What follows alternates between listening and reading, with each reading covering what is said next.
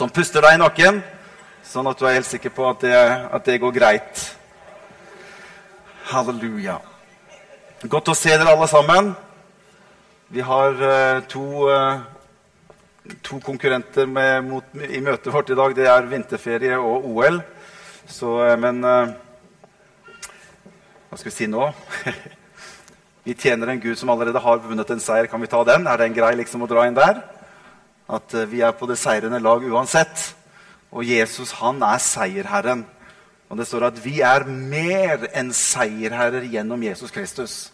Fordi at Han har tatt med seg seiersprisen, han, og så har han levert den ut til oss. og så at dere kan få lov til å ta del i den seier som jeg har vunnet. Det er fantastisk, det. Hæ? Vi trengte ikke å gjøre noe for det engang. Han gjorde alt for oss, og så delte han den seieren med oss. Og Derfor så sier Bibelen at vi er gjort til mer enn seierherrer fordi han delte sin seier med oss alle sammen. Så det er så godt, så bra å se dere alle sammen. Og jeg har et budskap som jeg ønsker å dele med dere i formiddag. Er dere klar for å, å høre Guds ord? Bra. Jeg, jeg, jeg må si at jeg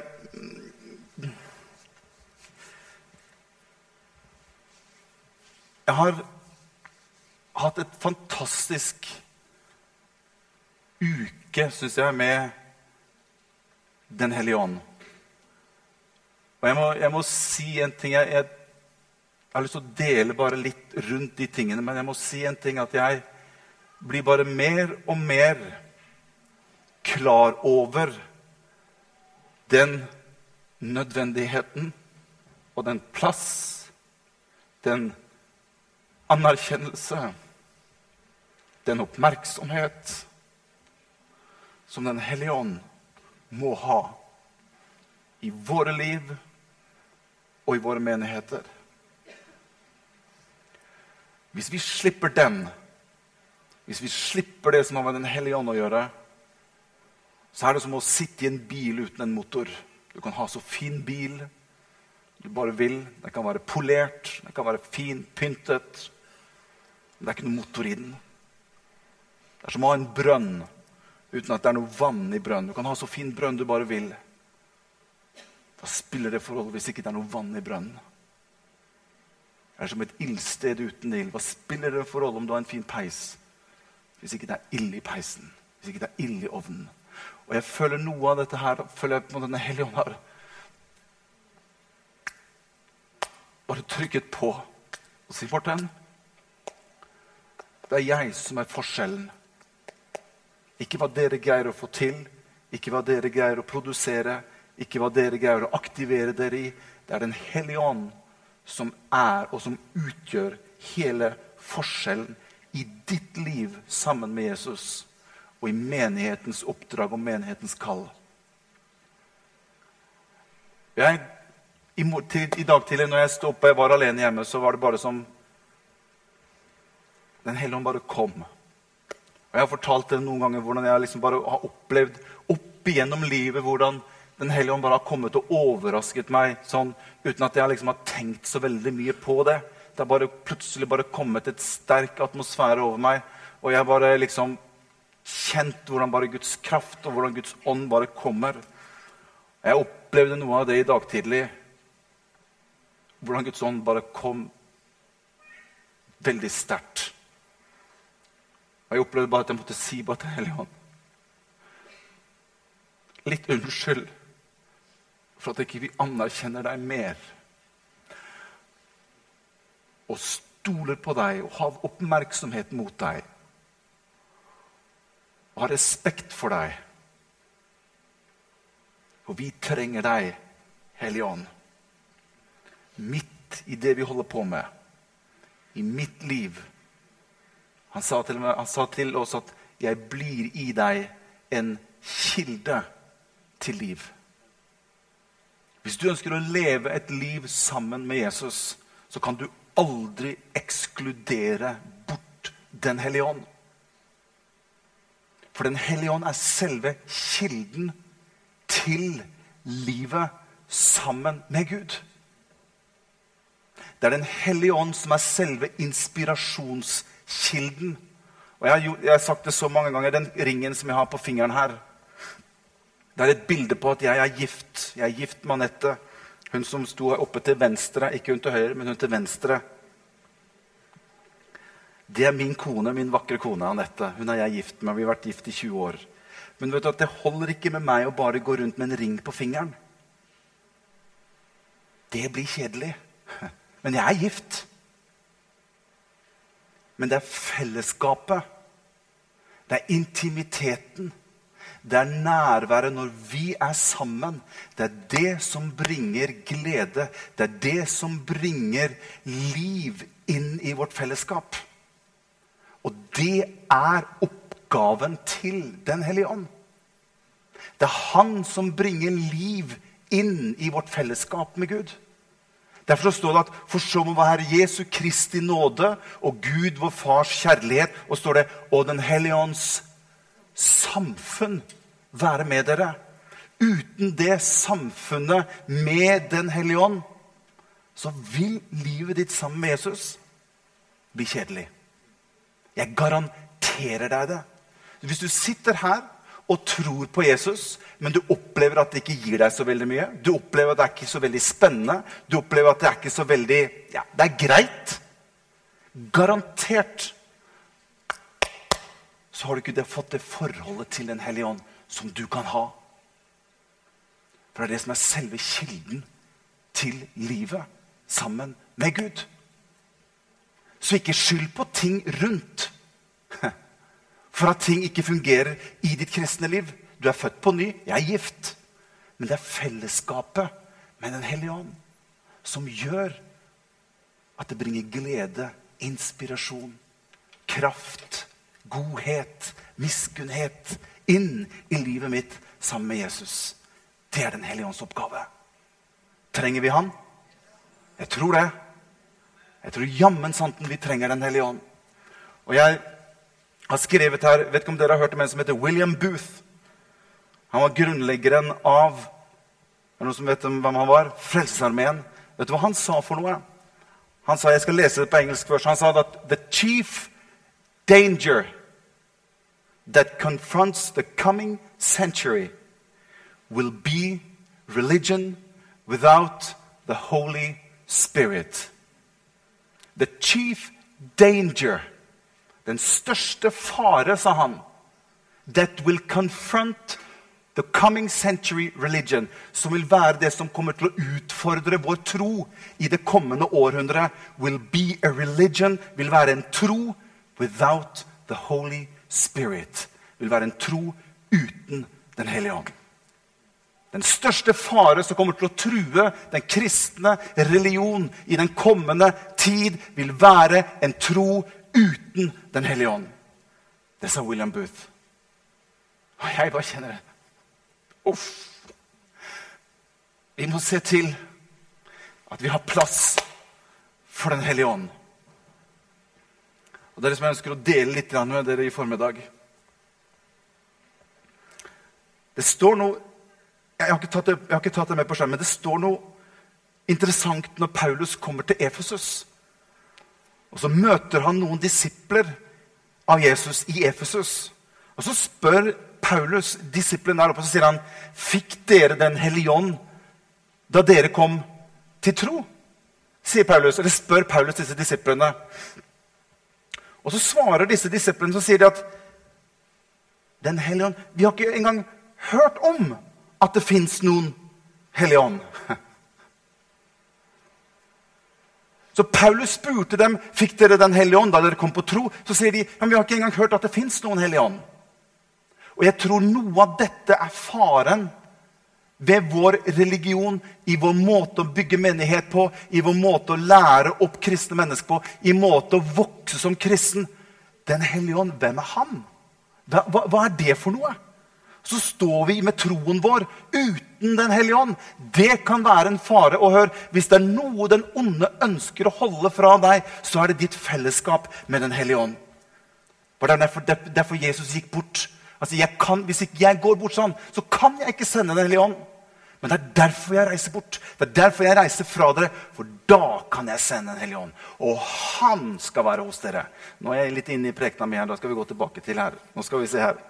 Skal bare, vi skal ta litt oppsummering, fra forrige gang. Går det greit? Vi, Jeg tok utgangspunkt litt i Johannes kapittel 14, vers 7. Det tror jeg vi har på skjermen også. 14 kapittel 7. Der sier Jesus om sannhetens ånd. Skal bare ta og repetere litt fra forrige gang. Sannhetens ånd som verden ikke kan få, for den ser ham ikke og kjenner ham ikke. Dere kjenner ham. For han blir hos dere og skal være i dere. Dette er de to sidene, de to tjenestene av Den hellige ånd for deg og meg som en trone. Så når Jesus introduserer Den hellige ånd, så sier han dere har jo opplevd at Den hellige ånd har vært hos dere. På hvilken måte? Jo, han fylte tempelet med sin herlighet. De opplevde Guds kraft, de opplevde at ting skjedde. Men det var bare den dimensjonen av at han var hos dem. Og så sier Jesus når Den hellige ånd kommer, så skal han fortsatt være hos dere. Dere vil fortsatt ha den dimensjonen blant dere at han er ved sitt manifesterte nærvær hos dere. Men det kommer en ny dimensjon etter at jeg har dødd og stått opp igjen fra det døde. Det er at jeg føder din ånd på ny, og jeg flytter på innsiden av deg. Så Jesus sa at han skal være hos dere og være i dere. Så Den hellige ånd har to oppgaver, to tjenester. Det er at han er hos oss, og han er i oss. Fantastisk! Og Det er jo viktig at ikke vi glemmer at vi har to sider ved Den hellige ånd. Når vi tilber Jesus, når vi kommer sammen som Guds menighet, så sier Bibelen at der hvor to eller tre er samlet i hans navn, der er han midt iblant dem. Hva er det som er midt iblant oss? Det er Den hellige ånd. Det er hans manifesterte nærvær. Når vi begynner å tilbe, når vi begynner å lovsynge ham, så skjer det et eller annet i atmosfæren. Guds ånd begynner å komme ned blant oss og begynner å bli synlig, merkbart. Føle, og vi kan kjenne at han er nær. Og Det var det jeg opplevde når jeg var liten gutt når jeg lå på soverommet og ikke fikk sove. Jeg kjente det var et eller annet der inne på soverommet som var noe mer enn det vanlige på soverommet. Det var en atmosfære. Det var et eller annet der. Det er Den hellige ånds nærvær. Og jeg er så glad for at den dimensjonen fortsatt er til stede. Halleluja. Og det nærværet kan følge deg og meg. Og jeg har opplevd det så mange ganger. Jeg vet hva jeg snakker om. Jeg har opplevd det så mange ganger. Og derfor så Det som har gitt meg mest glede i mitt liv som kristen, det er å oppleve hans nærhet. Jeg, jeg, jeg må bare si det som, har, det som, har, tilfredsstilt meg mest som en kristen med troen min, det er ikke at jeg har sett mennesker det er flott, sett mennesker bli helbredet, sett mennesker bli berørt av Guds kraft, sett mennesker få lov til å oppleve Jesus osv.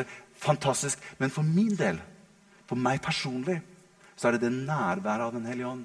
Jeg bare kjenner at han er der. Og jeg bare merker, og jeg vet at han er der. Og vet du hva? Jeg, var noen ganger, jeg, sa, jeg sa til Den hellige ånd i dag tidlig når, jeg plutselig kjente at han kom.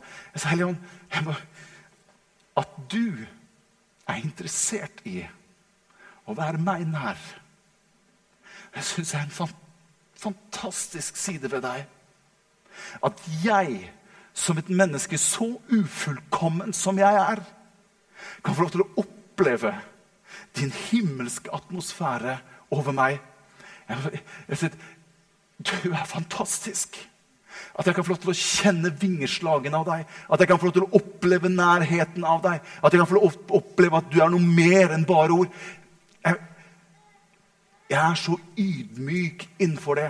Enda så ufullkommen som jeg føler meg noen ganger, og så uverdig som jeg kan føle meg noen ganger. Enda så kommer han med sin atmosfære, og så kjenner jeg at han er meg nær. Er ikke det fantastisk? Og han ønsker det. Han ønsker å være deg nær. Han ønsker at du skal kjenne hans nærhet. Jeg syns det er fantastisk. Halleluja. Så Vi snakket litt om forrige gang om denne funksjonen til Den hellige ånd. At han er hjelperen eller talsmann. Vi snakket om at Den hellige ånd har en, en, en oppgave som en sånn mellomledd eller som en sånn overføringsjobb eller tjeneste. Det er at han flytter inn i min ånd jeg har min egen ånd, som er Morten. Det som du ser her, det er bare det som jeg vil å si, Det er sånn Gud har tenkt det, at Morten skulle se ut sånn utsida, men det er ikke meg. Dette er forfallent, dette går til grunne, dette blir til jord en eller annen gang. Men Morten går ikke til jord. Han er inni her et sted. Og jeg kan bare se ut gjennom disse øynene som jeg har fått. Da kan jeg se ut her, så jeg ser dere, liksom. Det er jeg. Og jeg er evig. Jeg er evig fordi Gud har lagt evigheten ned i menneskets hjerte. Så når jeg tar imot Jesus, så flytter Guds ånd inn og tar bolig i min ånd. Og jeg blir et Guds barn. Og Den hellige ånd, når den er på innsiden i min ånd, så ønsker han å ha dialog. Han ønsker å snakke med meg. Og Derfor kan han si meg ting inni min ånd som gjør at det skaper tro i livet mitt. Og det gjør at Guds rike kan få lov til å vokse i mitt liv. Ok? Så snakket vi om dette med at, at, eh, det står at troen kommer av å høre Guds ord. Det er bra å høre Guds ord, men det er noe som er enda bedre. Det er når Guds ord kan få komme gjennom Den hellige ånd inn i mitt hjerte og snakke til min ånd. For det er det som står at det intet øre har hørt, og det intet øye har sett. Det har Gud åpenbart for dem som har mottatt Hans ånd. På hvilken måte? Jo, for det fins noen ører og noen øyne i min ånd som kan både se og som kan høre de ting som Den hellige ånd ønsker å meddele meg i min ånd. Og hør, det skaper en tro som gjør at jeg kan få lov til å begynne å se i virkeligheten det Den hellige ånd taler til meg om i mitt hjerte. Fantastisk tjeneste som Den hellige ånd har. Så det snakket vi litt om forrige gang. Ok. Vi skal gå, vi skal gå litt videre. Eh, jeg har bare tatt med ordspråket 3-5. Du kan ta opp det. For jeg nevnte at Vi har veldig lett for å bli det som Paulus kaller for kjødelige. Jeg vet ikke om det brukes så veldig ofte. ordet kjødelig. Ja, kjødelig. Det vil bare si at vi er menneskelige. da. Vi har ofte lett for å bli menneskelig. Det vil si at vi, vi, vi, vi, tenker veldig mye, eller vi forholder oss til det vi kan se. Jeg tror ikke før jeg får se det. Det er den menneskelige måten å, å, å vurdere ting på. ikke sant? Vi ser, vi hører, vi føler, vi smaker, vi lukter. Og dette er sanser som Gud har skapt oss med, men vi har ofte lett for å prøve å forstå Guds rike gjennom de sansene. Mens Gud har sagt at det fins andre sanser som vi må få lov til å la vokse opp i livet vårt når vi vokser som kristne. Derfor står det i ordspråkene 3-5.: Stol på Herren av hele ditt hjerte. Sett ikke lit til din egen forstand. Stol på Herren av hele ditt hjerte. Hjerte er et annet ord for ånd. Jeg har lært av min far han tog, her, Det er et eller annet sted her. Vi tror det. Det er et eller annet sted her. Stol på Herren av hele ditt hjerte, og sett ikke din lit til din forstand. Jeg tror Noen ganger så kan Gud tale inn i ditt liv. Du bare, du bare merker at det er, det er, et eller annet som han har bare talt om her inne, som går kontra det som du opplever å se og høre med ørene dine og øynene dine. Hva gjør du da? Da tror jeg på å holde fast på det som du opplever at Guds ånd har talt til deg i ditt hjerte. Og så vil det over tid bli virkelighet. Ok. Vi trenger Den hellige ånd.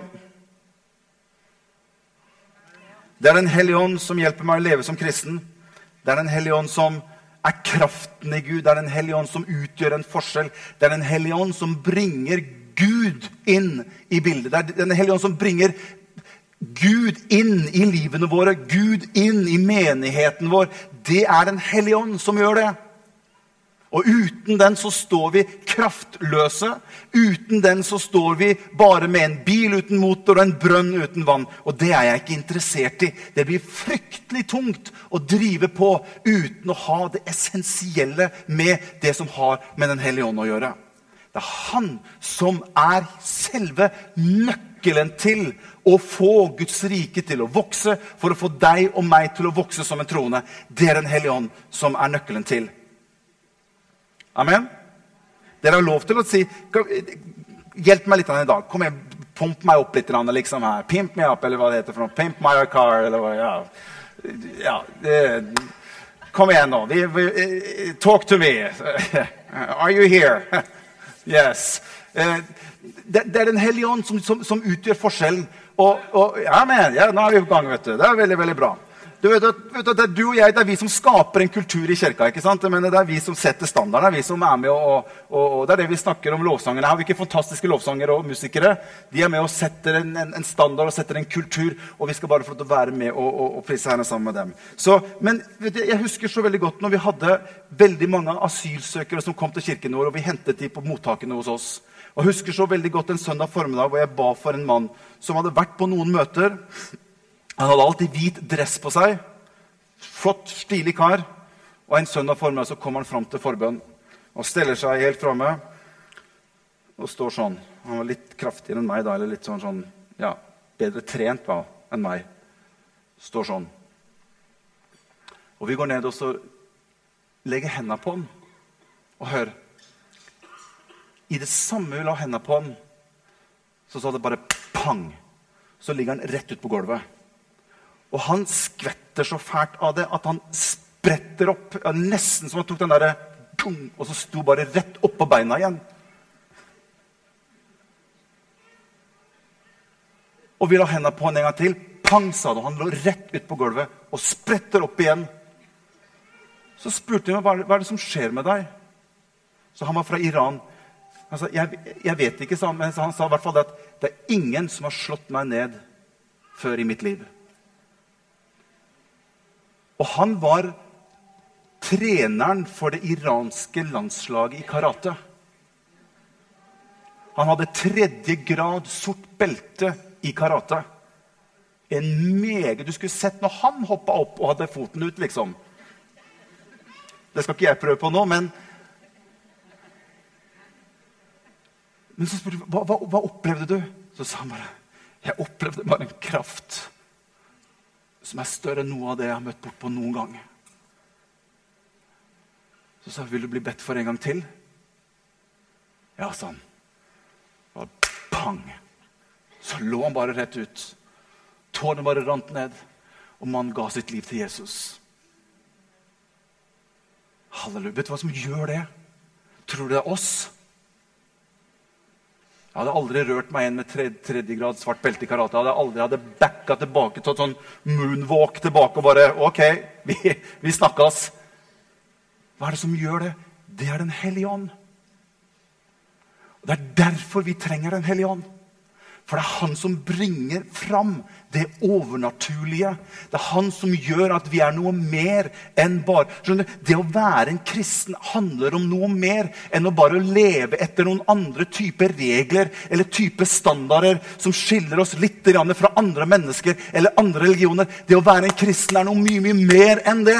Det handler om å ha tatt imot Jesus Kristus, som har født oss på ny. Og så handler det om at han har fylt oss med noe av himmelen himmelens kraft som gjør at vi kan få lov til å være noe for andre mennesker og være med å formidle hans rike ut i denne verden. Og det finnes ingen grenser for hva han kan gjøre gjennom ditt og mitt liv. Amen. Se hva som står i 1. Korinterbrev kapittel 12 og vers 1. 1. Korinterbrev 12 og vers 1. For dette her er viktig, skjønner du. Og Derfor så tenker jeg at vi skulle hatt mange mange flere søndager om Den hellige ånd. Så muligens at vi kommer tilbake til dette og har en, noe mer rundt dette med Den hellige ånd senere. Vi får se. Men se hva som står i 1. Korinter 12,1. Da sier Paulus når det gjelder de åndelige gaver, søsken Eller du kan også oversette men når det gjelder de åndelige ting. Når det gjelder det som har med Den hellige ånden å gjøre, når det gjelder det som har med Åndens rike, så sier han så vil jeg ikke at dere skal være uvitende. Aha, Så det går faktisk an å være en gjenfødt kristen og være uvitende om de ting som har med Den hellige ånd og som har med den åndelige verden å gjøre. Er ikke det som egentlig står her? Så Paulus sier at når det gjelder den åndens rike, Den hellige ånd, det som har med åndens gaver, åndens utrustning, så vil jeg ikke at dere skal være uvitende. Jeg vil at dere skal vite hva som gjelder rundt disse tingene som har med Den hellige ånd å gjøre. Derfor preker vi og underviser vi om Den hellige ånd. Amen. Er du uvitende, så går det an å gjøre noe med det. Da går det an å sette seg inn og gå an og sjekke litt hva har Gud for meg når det gjelder Den hellige ånd. Oi, oi, oi. Hvem trenger dette? Alle. Hvem er det for? Alle. Og Dette var utrolig viktig for Jesus å få disiplene til å forstå. Det er utrolig interessant å se hvordan Jesus når han begynner å undervise disiplene, og han begynner å nærme seg dette som har med Den hellige ånd å gjøre, da er han veldig nøye. Se hva som står i Lukas kapittel 24, vers 47. Begynner Jesus å undervise disiplene rundt dette som har med Den hellige ånd å gjøre. Se hvor nøye han er. skriver han i vers 47 at omvendelse og syndenes tilgivelse skulle forkynnes i hans navn for alle folkeslag. Og Så sier Jesus dere skal begynne i Jerusalem. Dere er vitner om alt dette, sier han. Se, jeg sender min fars løfte over dere. Her begynner Jesus å fortelle litt om hva som skal skje. Og så sier han, 'Men', sier han. Han sier, 'Vent'. Kan du si 'vent'? Ja. Det hørtes ut som det norske landslaget på stafett i går. Noen der. Kan dere si 'vent'? Hvorfor tror du Jesus sier 'vent'? For det var noe viktig som han ønsket å si. det, Og det er det som står videre. Han sier, men vent i byen Jerusalem til dere blir ikledd kraft fra det høye. Ikke begynn nå, sier Jesus. nå. Ikke, ikke start nå. Ikke begynn med noe eget opplegg som dere finner på. Ikke sett i gang bare noe som, som dere finner ut at nå, nå, nå, setter vi i gang dette. Dette her virker bra. Dette virker litt kult. Dette virker litt ålreit. Vent, sier Jesus. Vent til dere blir ikledd kraft ifra det høye. Vent til dere får tak i selve nøkkelen for å lykkes med å bygge mitt rike på jorden. Dere må vente til dere får tak i det. Dere må ikke begynne før det, for da går dere bare i egen kraft. Men Jesus hadde noe annet for disiplene. Han hadde noe mer for dem. Fantastisk. Se hva som står i Apostelens gjerning kapittel 1, vers 4 og, og, og, til vers 10. Jeg bare klippet det litt sammen. Apostelens gjerninger 1, vers 4. Og da han var sammen med dem, befalte han dem å ikke forlate Jerusalem, men å Ja? På Faderens løfte, det som dere har hørt av meg. Og så sier han, men dere skal få Dere skal få kraft i det Den hellige ånd kommer over dere. Disiplene hadde vært med Jesus og sett hva han gjorde for noe. De hadde sett alle de tegn og under som han gjorde. Og Jesus hadde begynt å undervise disiplene sine at det som dere har sett meg gjøre, ja, det er jo bare, egentlig bare for å vise hva dere skal gjøre etterpå. Men Jesus prøvde å forklare disiplene at når jeg gjør tegn og under, så gjør ikke jeg det bare i kraft av meg selv. Men jeg gjør det fordi at jeg har en Guds ånd og Guds kraft over meg. Så Jeg skal tilbake til det. Men se, han sier dere skal få kraft i det Den hellige ånd kommer over, det, over dere. Og dere skal være vitner om meg i kirken, i kulturhuset, i i Jerusalem, Judea og Samaria og helt til jordens ende. Hvor er kraften tenkt brukt henne? Inne her? Nei, der ute. Der ute. Blant folket. Det var det som vi så så fantastisk når vi kom i kontakt med alle disse asylsøkerne som kom. Jeg husker en, husker en torsdag når vi hadde vi hadde veldig mange fra Øst-Europa som kom en torsdag. Mange unge gutter. Jeg tror det var ni-ti stykker av dem. Rundt en sånn Jeg vet ikke hvor gammel de kunne vært. 17, 18 år. 18, jeg vet ikke, jeg husker ikke helt. Alle var skalla på hodet. De satt på en rad inne i gamlekirken her borte. Og de knisa, og de Og de dreit oss ut. Og de var kjekke. Og de var tøffe, de gutta. Og de så på hverandre og gira hverandre opp. Og, og noen ganger, noen ganger kan du bli litt tatt av det der. skjønner du. Noen ganger kan det bringe deg litt, litt sånn, for du, du, du, merker noe. Har dere, noe, dere opplevd det på skolen noen gang? At hvis du måte kommer litt i denne 'jeg er kristen'-greia Er du teit, eller? Hallo? Hvor dum går det an? Altså, den greia der den var de veldig flinke til å eksponere. Veldig flinke. Og da må du liksom gå opp. Jeg satte meg bak pianoet og vi begynte å synge Lord, I lift your name on high, som jeg hadde gjort da 2500 ganger før. Og med en like stor forventning, Hellige Ånd, når vi begynner å synge nå. Kom! Vi trenger deg, Hellige Ånd. Dette greier ikke vi aleine. Dette går ikke i egen kraft. Du er nødt til å komme, Hellige Ånd. Og jeg har aldri følt meg så avhengig av noe mer enn meg sjøl. Jeg visste jeg kunne spille piano, men jeg visste at det ville ikke gjøre noe forskjell om de hørte noe fint pianospill. Og så begynner vi å merke hvordan Guds ånd begynner å virke. Og så litt etter så sa vi du vet, dere gutter som har fnisa nå hele og fnisa nå hele kveld. Kom fram her, så kan vi be for dere. hvis dere tør det. Dere er jo såpass tøffe. dere virker ganske tøffe. Kom fram her, så skal vi be for dere. Og da begynte det å bli litt mer sånn Tja Dro litt på det og kikka litt på hverandre. og Ja, kom, så skal vi be for dere. Det, det, det er vel ikke farlig. Så kommer de, stiller seg på en rekke. Åtte-ni stykker av de. Unge gutter. Og står sånn og ser på hverandre. og Dette er jo helt sjukt teit. Hva gjør du da? Da trenger du Den hellige ånd. Så legger vi hendene på dem. Så legger vi bare hendene på den første, og så sier det bare pang. Så legger han bare rett ut på gulvet. Og neste pang, pang, pang, pang. Og sistemann han tror jeg la seg ned før han ble bedt for. Han, han, han visste dette går veien. Og de gutta lå på gulvet og storgråt og ropte på Jesus. Frels meg! Jesus, frels meg! Da var tonen noe annet. Hvorfor det?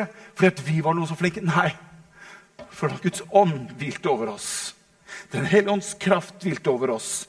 Og Vi fikk lov til å bare se hvordan den overnaturligheten av Den hellige ånd er det som gjør den hele forskjell når vi opererer. Alle gutta tok imot Jesus Kristus og ble frelst den kvelden.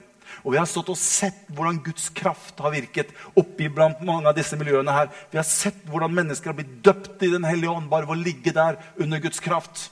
Og vi har sett hvordan, hvordan veldig mange av muslimene har stått rundt og snakket. Hva er det som skjer her, liksom? Han, Kameraten vår han ligger på gulvet der, og han ser ut som han har det veldig bra.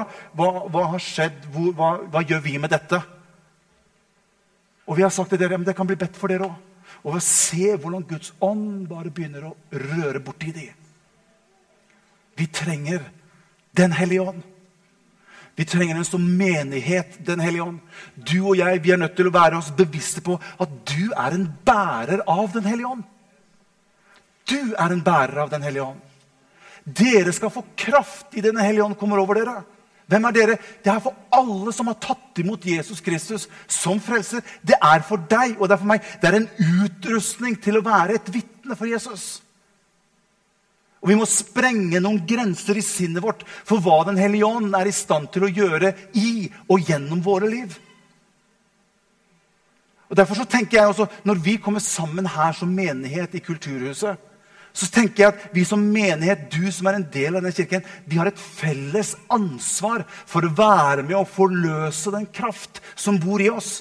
Ikke tenk at alltid at det er lovsangslederen og musikeren og sangerne på en måte som skal på en måte dra dere liksom inn i Guds nærhet. Nei, du er en eksponent for Guds herlighet. Du kan være med å forløse Guds herlighet på dette sted. Og hør, Tenk om 500 mennesker er bevisst på dette sted og være med å forløse Guds herlighet på dette sted. Alt kan skje! La oss være bevisst hva vi har fått i Jesus Kristus. Dette er ikke for noen spesielle, men det er for alle sammen. Og hør, Jeg har lyst til å bare dele litt. Tiden går, og du verden og du verden. Jeg har bare lyst til å si litt om det som skjer. Hør. Apostlenes gjerninger, kapittel 2 og vers 1. Jeg er ikke sikker jeg får gått gjennom alt det, for jeg kjenner Guds ånd her. Jeg har lyst til å være med og be for mennesker. Jeg skal være med og be for at mennesker skal bli døpt i Den hellige ånd i formiddag. Jeg skal være med å be for mennesker som har en lengsel etter å bli fylt enda mer av Guds kraft. Hør, Du trenger ikke å leve på en opplevelse som du hadde for 20-30 år siden. Herren han ønsker å fylle deg på nytt. Det står ikke mange kapitlene etter pinsedag. Det står at de var samlet igjen, og, så, og de atter ble fylt av Den hellige ånd. Du trenger ikke å gå på gammel olje. Gud ønsker å bytte om oljen hele tiden, så du har frisk olje i maskineriet. Amen. Se hva som står her. Da pinsedagen var kommet, var de alle samlet på samme sted med samstemt sinn. Plutselig kom det en lyd fra himmelen som av en stormende, mektig vind, og den fylte hele huset der de satt. Tunger som av ild viste seg og delte seg og satte seg på hver enkelt av dem. Og så står det de ble alle fylt med Den hellige ånd og begynte å tale i andre tunger. Alt ettersom ånden ga dem å tale. Her skjer det noe, skjønner du. For noen kapitler før så hadde han som het Peter, han var nervøs rundt dette her. Dette likte han ikke veldig godt. Det greia med at Jesus skulle dø og, og ble tatt til fange. og det der, Alle disiplene som var med Jesus inn i Getsemanehage. Det begynte å, å, å, stramme seg litt til, og det begynte å bli litt tøft. dette her, og De var litt sånn usikre. Hvor ender dette hen? Og når det begynte å bli ekstra tøft, og soldatene kom for å hente Jesus, hva skjedde med gutta? Nei, de stakk av. Alle som en. Peter han prøvde seg litt og være litt sånn kjekk altså, og dro fram sverdet. og skulle liksom, ja, Men, han, men han, han, var litt sånn i konflikt med seg sjøl. Hva, hva, gjør jeg nå? Og når det ble veldig tøft for Peter ute på tempelplassen, når folk begynte å kjenne igjen Peter og spurte er ikke du en av de som tror på Jesus, Nei. Nei, Nei, nei, nei, nei aldri Jesus. Hvem, hvem er det? Men jeg har sett deg sammen. Var ikke du en av Nei, aldri Vet ikke hvem du snakker om engang. Dette var han som hadde vært med Jesus i tre år og sett alt det Jesus gjorde. Han gikk på vannet. Han mettet 5000 med to fisker og, og, og, og fem brød. Han, han, reiste opp mennesker fra de døde. Han hadde sett alt med sine egne øyne. Når det begynte å bli tøft, så ble han pressa. Han bannet på at han ikke kjente Jesus. Han er oppe på, på, på, på lokalet, på øvresalen. For de hadde i hvert fall gjort som Jesus sa. da, Vi venter i Jerusalem. De var fryktsomme, de var redde. De hadde låst seg inn og var veldig redd. Hva skjer nå? Og så kommer det som Jesus hadde lovt dem. Fantastisk. Jeg, jeg, jeg har prøvd å visualisere liksom, den, den der inne i rommet der hvor de er samlet. De ser litt på hverandre, de priser Herren litt. Hva skjer? Og så plutselig så begynner et eller annet som å blåse. Og det, alltid, det, slår alltid de der vinduskarmene. Klikk, klikk, klikk. De, de slår alltid, i hvert fall på film. Da slår de. Og så kom det et eller annet inn i rommet der hvor Peter og Johannes og alle disse satt. Og Det står at det fylte hele huset. Det fylte hele rommet. Og så står det at de ble fylt av Den hellige ånd. Og det står at de begynte å tale i nye tunger. Det var det som skjedde på innsiden, som gjorde at de fikk tak i det som Jesus hadde lovet at de skulle få. Og det skjer noe med Peter etter han får denne opplevelsen av Den hellige ånd. Da var han ikke redd lenger. Da var han ikke så pysete lenger. Hva gjør han for noe? Han går ut, og så steller han seg fram i den byen som hadde korsfestet hans, hans mester og hans frelser. Han steller seg frem, og så sier han israelittiske menn, sier han. Her er jeg. Her er jeg. Det var jeg som bannet på at jeg ikke kjente Jesus. Det var jeg som bannet på at jeg ikke visste hvem han var. Her er jeg, sa han. Nå skal jeg fortelle dere hva som har skjedd. Det stemmer, dette med Jesus. Det er sant, det som, er, som, som har med Jesus å gjøre. Men han har fylt meg med noe som er så sterkt og som er så virkelig at jeg kan ikke annet enn å stå for å være med og fortelle dere det samme. Og den dagen så blir 3000 mennesker frelst. Det har skjedd en forandring hos Peter. Fra å være en nervøs mann som bannet på at han ikke kjente Jesus, til at han nå står fram og forkynner med stor frimodighet. Hva var forskjellen? Den hellige ånd var forskjellen. Den hellige ånd var forskjellen. Og det er den siden som du og jeg er nødt til å ha tak i, som har med Den hellige ånd å gjøre. Og Jeg skal gå bare fort gjennom jeg skal til, til vi skal hoppe over eh, et par skriftsteder som sitter med projektor. Og Så kan vi gå ned til hvor det står Lukas 4, 18. Halleluja. Lukas 4, 18, der hvor Jesus sier, 'Herrens ånd er over meg, for han har salvet meg' 'til å forkynne for fattige'. Han har sendt meg for å helbrede de som har et sønderknust hjerte, og for å rope ut frihet for fanger, og for at blinde skal få syn igjen, for å sette undertrykte fri, og for å rope ut et nådens år fra Herren. Så skal vi gå til Apostelens gjerning, kapittel 10, vers 38. Der står det hvordan Gud salvet Jesus fra Nasaret med Den hellige ånd og kraft Jesus selv var avhengig av å bli salvet av Den hellige ånd. med kraft. Amen.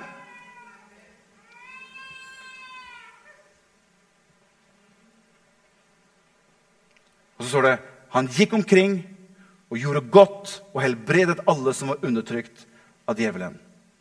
Rakel, kan ikke du komme opp, og så spiller vi litt, og så skal vi bare gå inn i, i og være med å betjene mennesker her. Halleluja.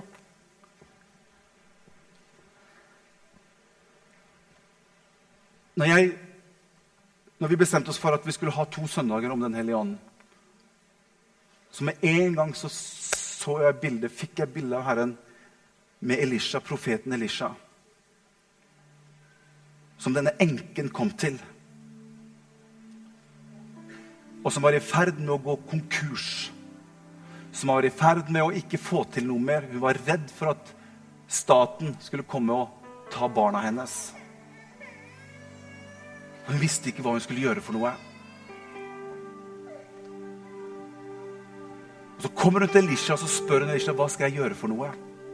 Jeg vet ikke hva jeg skal gjøre for noe. Så spør Elisha denne kvinnen, hva har du i huset ditt?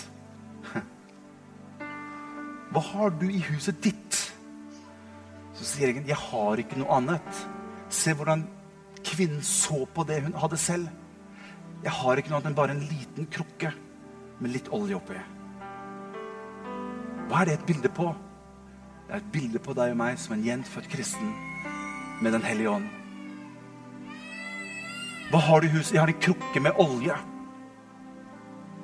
Og jeg tror noen ganger at vi ser litt smått på det vi har selv, når løsningen for problemene våre, når løsningen for utfordringene våre er vi har Den hellige ånd i oss. Halleluja. Begynn å bruke den, sier Lisha. Begynn å bruke det du har fått. Du har det i deg. Jeg vil at vi skal reise oss opp, alle sammen. Halleluja. Takk for at du har hørt på meg så langt. Jeg har en del mer, men jeg ønsker at vi skal bruke litt tid til å be for hverandre. Du har fått Den hellige ånd. Jeg har lyst til å invitere mennesker her som som ennå ikke har opplevd dette med å bli fylt av Den hellige ånd og tale i tunger. Det er en gave som alle gjenfødte kristne kan få. Paulus sier at når jeg taler i tunger, så bygger jeg opp meg selv. Det er en gave du har fått som kan bygge deg opp. Jeg har lyst til å være med å invitere deg som ikke har opplevd det enda. Det er en gave som du kan få lov til å oppleve. Og jeg ønsker å invitere mennesker her som lengter etter en større fylde, en større påfyll av Den hellige ånds kraft i sitt liv. Kanskje du går fortsatt på en opplevelse som du hadde for 20 år siden, 15 år siden, 5 år siden. Den hellige ånd er her nå. Han ønsker å røre ved deg, ved ditt liv. Og si at 'jeg har mer enn nok for deg'. Jeg ønsker å fylle deg på nytt og på nytt og på nytt med min ånd. Halleluja. Halleluja. Jesus. Jeg har lyst til å bare gi en enkel invitasjon til å komme frem og stå framme her, og vi skal være med og be for deg. Dere som er forberedere, kan ikke dere komme frem, og så står dere framme her, og så er vi med, og så tar vi imot folket som ønsker å bli bedt for. Halleluja. Jesus. Jesus.